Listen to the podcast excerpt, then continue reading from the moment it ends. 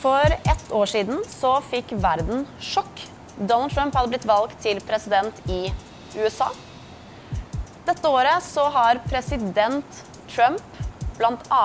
tatt eh, USA ut av Parisavtalen. Han har innført reiseforbud. Han har kalt Kim Jong-un for 'Rocket Man on a suicide mission'. Og han har tvitret mye. Men hvordan går det egentlig der nede i Det hvite hus? Det har vi dratt hit til USA for å finne ut av. Velkommen til Underhuset fra Washington DC.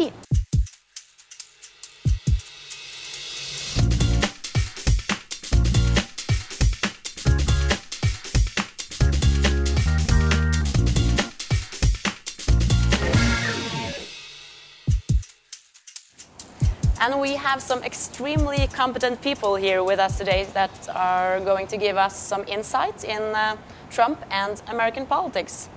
Stuart Jolly, you were one of five people who worked closest to President Trump during the first part of his campaign. Right. You were his field director and friend. Venka Lafleur, I guess you're actually not a friend of Trump's. Um, however, you are a Washington insider and you were also former President Bill Clinton's speechwriter. That's right. First of all, Stuart, you have worked very closely with Donald Trump. What's he like as a person?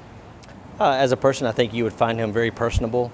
He's a uh, very amenable individual. I think folks who would go into his office not liking him very much will come out saying he's one of the nicest guys they've ever met.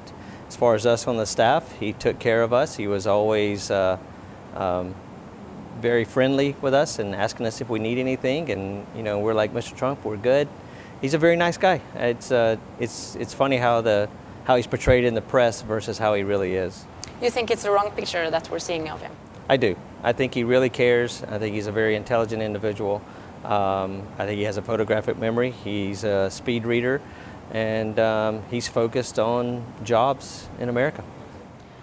Manka, we see, uh, we see his tweets, we hear his speeches, um, and I think a question that a lot of people have been asking themselves for the last year is, is does he have a strategy with what he's doing, or is it just a lack of impulse? Well, I'm not uh, a member of President Trump's staff, um, so I, I can't tell you uh, whether they think they have a strategy or what that strategy is. But I will say that if the strategy is to pass major legislation, it's not working. If the strategy is to increase his approval ratings, even among the size of his base, it's not working. If the strategy is to improve America's standing in the world, it's not working. And if the strategy is to reassure us that there's a strategy, I would submit that's not working either. And I, I think in some ways the president is his, own, is his own worst enemy. I think the tweets that come early in the morning, in the wee hours, um, President Trump unfiltered, play into that anxiety uh, that nobody's in charge. I have been talking to journalists here in Washington for the past few days that they are saying that they don't believe that President Trump is actually happy unless he's at the golf course or watching his Elton John music videos. What's your take on that, Stuart?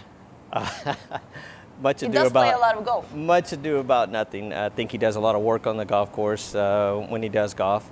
But I, I like I said earlier, I, I think Mr. Trump is focused on doing the right things. Uh, he considers Twitter to be his direct access to the um, American people, and he's he's going to continue using it. It's, it's his it's his way to vent without having to go through anyone.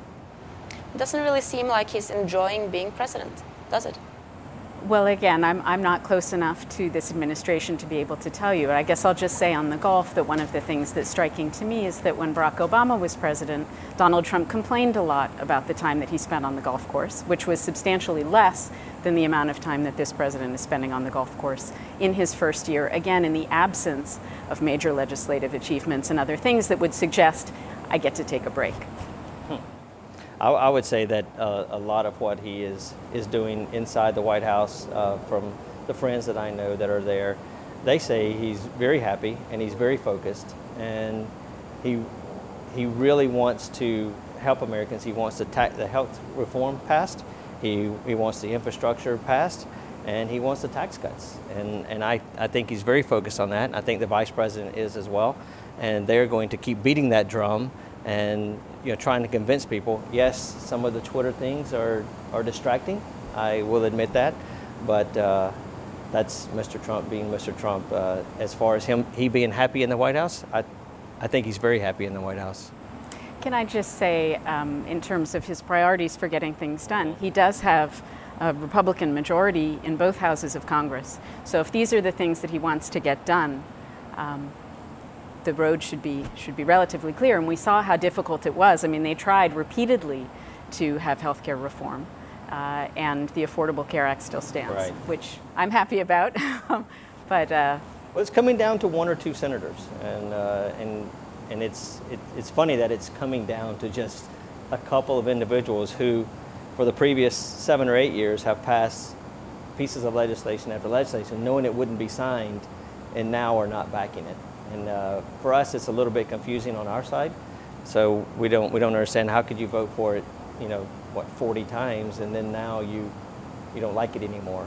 So I think it's it's kind of strange, and I'm not, really sure what's going on there. And I think it surprised a lot of people. They, they thought it would be easy, con- considering it has passed so many times, and President Obama wouldn't pass it, and now it's passed, and uh, or it's come up, and they won't vote for it now. Maybe this is one of the areas, I guess, where we could say that, you know, my experience in the Clinton administration, the early days of the Clinton administration, what's happening now, um, Donald Trump was elected as an outsider. I think that was part of his appeal Right. um, to the people who voted for him. Um, but Washington is Washington. And uh, in order to get things done, even with you know a a majority in Congress, you need to be able to work with people. And I think that learning curve, I think we're seeing it now. It's steep. Um, I think any new president who comes in is going to face that. But to, you know, that's the job. Right. And I, I believe that right now what this country wants to see um, is a president who's really focused on getting things done uh, more than playing golf.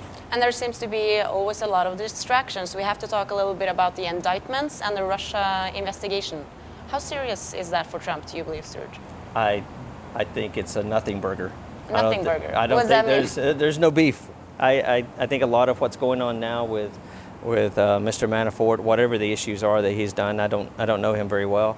I resigned one day after he took over, so I really had very little interaction at all with Mr. Manafort. But I think you're going to find that whatever dealings that he had there, they were they were pre-campaign. So I know on the campaign, we, we were too busy to worry about any of these sorts of things and uh, certainly never spoke to any Russian anyone. We were focused on getting the job done and uh, getting voters to, you know, to get them the information uh, about where Mr. Trump stood on our issues. Do you believe it's a nothing burger? I guess what I would say is that even if uh, Paul Manafort, even even if these issues predated the campaign, I don't think that makes it. I don't think that should give us any comfort that nonetheless he was hired to run the campaign. Uh, he was there at the convention. Um, and so forth. I would also say that if it is indeed a nothing burger, then why is the president t- tweeting frantically, ferociously about Tony Podesta, who was part of this same thing? So I, I just don't think you can have it both ways. And if we're to take this seriously, as it appears that President uh, President Trump wants us to do, sorry, Freudian slip, as President Trump would like us to do vis-a-vis a Democrat, uh, then we should take it seriously uh, across the board. Because there's really no doubt anymore that the Russian did interfere with the 2016 election. So the question is, did people, did You think Trump's so? people help them? You, you don't agree with that? I, I don't agree with that. I, I, I think if it was, I mean, the, the, the low level George, whatever his last name is, uh, staffer, I, I, I think he tried, maybe tried to, you know, pass along something. It was some of the emails that were pulled down. But, I mean, for any of us or any of the campaign staffers, I, I find it completely dis, I'm in disbelief that it could have happened. And I don't know anyone that was involved in any of that. We were all so focused. I think maybe a meeting had occurred, but I'm not really sure anyone thought of it as, you know, Russia interfering with the with the election. Yeah, the question is, did someone on the campaign really talk to the Russians or not? And how much did they know and how much did Trump know? Well, I would tell you on the campaign, we, we take hundreds of meetings. I, I probably took nearly 100 a day when I was on the campaign. It was, there was always someone in my office, and uh, I mean, I never had anyone offer me anything about, about Russia, but I mean, as you know, you're, you're constantly talking to someone, so it, it, it, I don't know. I don't. I just don't see that there's anything there. I really think it's a distraction right now, to be honest with you. And I think you're going to find that most of this predates, predates the campaign, whatever happened there.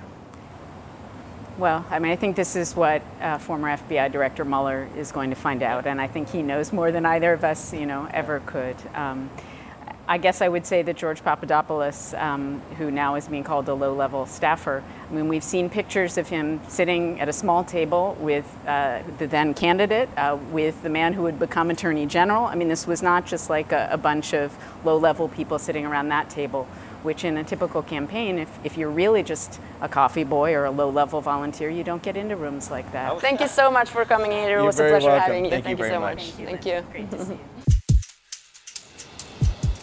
I fjor så stemte 41% av amerikanske kvinner på Trump, og vi har fått inn en dame som ikke bare stemte på han, men som jobbet iherdig for å få flest mulig andre kvinner til å gjøre det samme.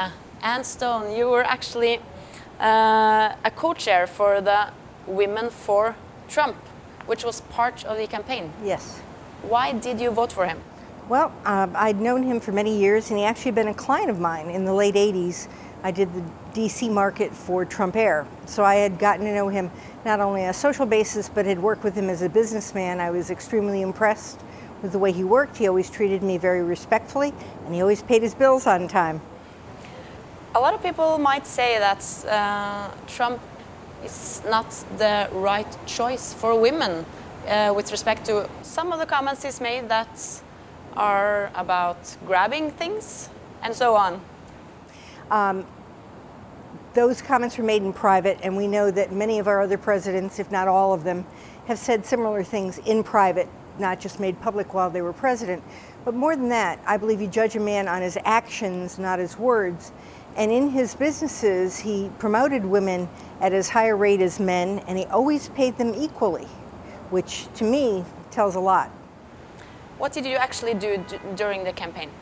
During the campaign, we helped organize, especially for the targeted states, because there were states that we knew we couldn't win, and there were states we knew that we couldn't lose.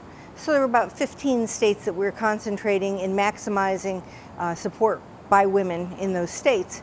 And we organized a variety of things. We uh, developed uh, groups within each of the states of elected women and women activists and regular women to form our core groups and they would do things like write letters to the editor, write op, uh, op editorials for opinion editorials for the paper.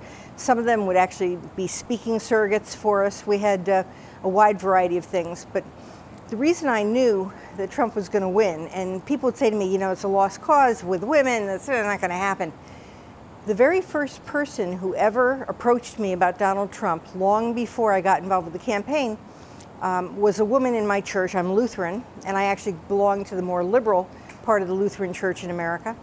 Um, she came up to me after the service and she said, "Are you a Republican? Are you still a Republican?" I said, "Yes." She goes, "Can I talk to you?"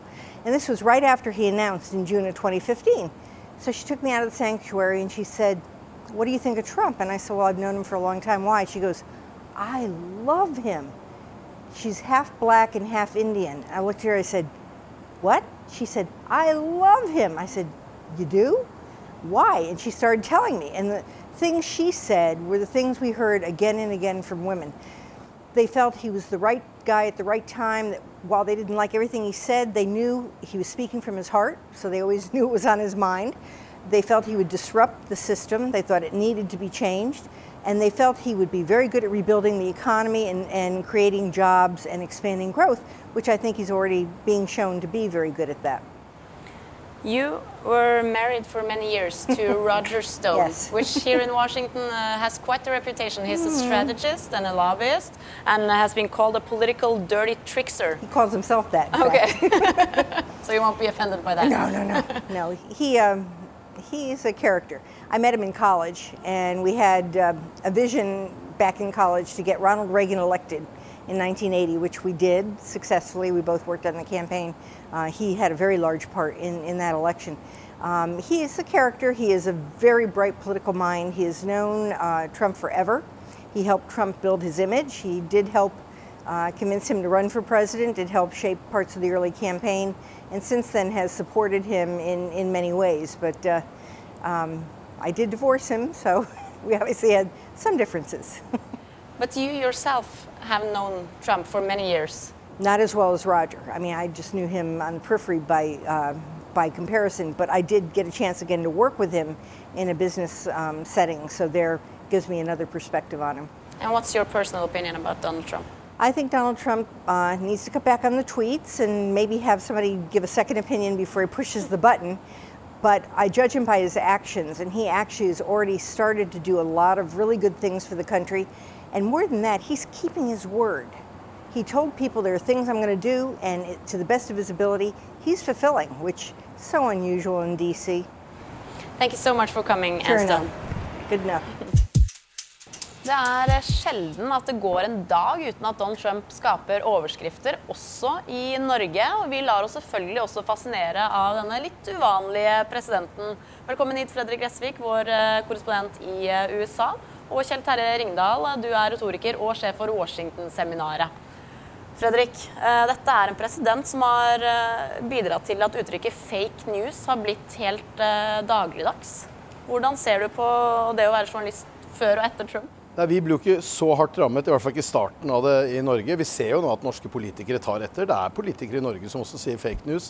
Men amerikanske journalister sliter jo veldig. Og det som er forunderlig, er jo at presidenten nærmest ikke forstår at dette er en av de viktigste pilarene i et demokrati. Altså nyhetsformidlingene og journalistikken. Eh, han mener jo at vi lyver, alle vi som ikke sier akkurat det han vil eh, at vi skal si. Eh, og dette går inn hjem hos en del av velgerne hans, dessverre. Vi ser jo at eh, det også ødelegger en del av den eh, nyhetsjournalistikken her i USA. Eh, Fordi du har da på den ene siden så har du da Fox News og de som da ønsker å støtte opp om presidenten, som egentlig bedriver fake news. Og så ser vi at den andre siden, altså noen prøver å lage en motvekt til dette, her, sånn som f.eks. TV-kanalen MSNBC. Og dermed har de ødelagt sin egen journalistikk, de også. Det som var tidligere en sånn skal vi si, en slags objektiv dekning av forskjellige nyheter her. Nå har man altså tatt side i i saken. Enten så er man for eller mot Trump. Det gjelder en stor del av mediene her. Så han har ødelagt eh, mye av den gode journalistikken som, eh, som vi så før. Men samtidig så er det jo da noen av de gamle, som, altså spesielt avisene, Washington Post, New York Times. For det første har opplagstallene deres økt pga. Donald Trump. Folk vil jo lese om denne mannen som gjør og sier mange merkelige ting. Eh, det skaper stor entusiasme ute hos, eh, ute hos amerikanerne. Og så er det jo eh, sånn at de har fått mye mer penger til å grave og finne ut av ting rundt Rekker man egentlig å gjøre noe annet enn å følge med på Twitter når man skal dekke presidenten av amerikansk hva, Sånn var det i hvert fall i starten her i, i vår. Så brukte jeg Plutselig kom det en Twitter-melding, og så måtte vi kaste om på headlines med en gang. For han går ganske hardt. Han går til total frontalangrep mot sine motstandere. Også sin egen justisminister, som han har i lang tid mo- å mobbe ut av regjeringen. Eh, daglige angrep mot ham. Men nå har det blitt så vanlig at folk reagerer ikke lenger. Det har gått noen måneder, og vi får de merkeligste Twitter-meldinger, og vi drar litt på skuldrene og venter oss til det. Dessverre. Kjell Terje, det må ha vært en fest som retoriker å studere Trump det siste året. Ja, om eh, ikke en fest, så kanskje et, lit- et lite mareritt. Fordi eh, rent språklig så kan vi si at eh, dette er, det er dårlig språk. Det er dårlig formulert, det er et dårlig, ordform, eh, dårlig ordforråd. Eh, han har en dårlig struktur. Altså Ut fra klassiske begreper så er dette en, eh, en mann som snakker eh, altså på et nivå med en tolvåring. Eh, Det er det jeg kaller for assosiativ begeistring. Altså han, han begynner på noe, så hører han seg selv si noe som kan høres eh, passe smart ut. Og for sikkerhets skyld så gjentar han det en to-tre ganger. Så det betyr at ut fra, ut fra, sånn- ut fra vanlig standard så er dette en mann som snakker dårlig. Men da begynner jo det interessante, fordi det ser altså ut til at dette å snakke dårlig reflekterer og skaper en slags sympati i hans kjernegruppevelgere, som opplever at dette er en mann som snakker slik de selv kunne ha snakket. Så Sånn sett så kan det godt være at nettopp det å ha et dårlig språk fungerer godt eh, overfor en velgergruppe, som du sier, som eh, er eh, frustrert, som er oppgitt, og som føler at eh, dette landet ikke har gitt dem noen ting. Og endelig så kommer det en mann med kraft, og med en dårlig språk, men altså med en vilje til å gjøre noe. Så sånn sett, det å være her er spennende, fordi vi da nå møter vi mennesker som altså argumenterer for Trump. Og det gjør vi jo ikke så ofte hjemme. Men det vi hører her er jo at han, øh, han snakker til kjernevelgerne sine. Og det tenker jeg er et stort problem for Trump på lang sikt. Fordi han, han har, ser det ut som, ikke forstått at det ikke er kjernevelgerne han skal snakke med. De stemmer jo på han uansett. Han er nødt til å nå fram til de andre. De som kanskje vil vurdere å stemme på ham. Og der tror jeg han gjør en ganske dårlig jobb, og det tror jeg mange av republikanerne eh, ser også at de fram til valget neste år, altså mellomvalget, vil de trekke seg, eh, distansere seg fra Trump. Dette er altså en mann som har tidenes dårligste approval rating. altså Han er minst populær gjennom alle tider som eh, president. Eh, og når vi da på dette Washington-seminaret har spurt noen av republikanerne i dag om ja, hvordan kan dere forklare det, hvordan er det mulig å overleve med så dårlige tall, så sier de at det er ikke noe problem, fordi alle er lavt på eh, oppslutning nå. Stuart Jolly, som vi akkurat hadde, han trodde ikke på dem. Nei. Institusjonene, alle institusjonene, banker, aviser, politikken, alle partiene synker, slik at alle har dårlig approval rating. Så det å være blant de dårlige der er ikke oppfattet som et stort problem. Så alt er på en måte snudd på hodet. Ingenting er slik det var i gamle dager, altså for et år siden. President eh, Donald Trump har sagt at han liker å være uforutsigbar, og det har han i hvert fall levert på.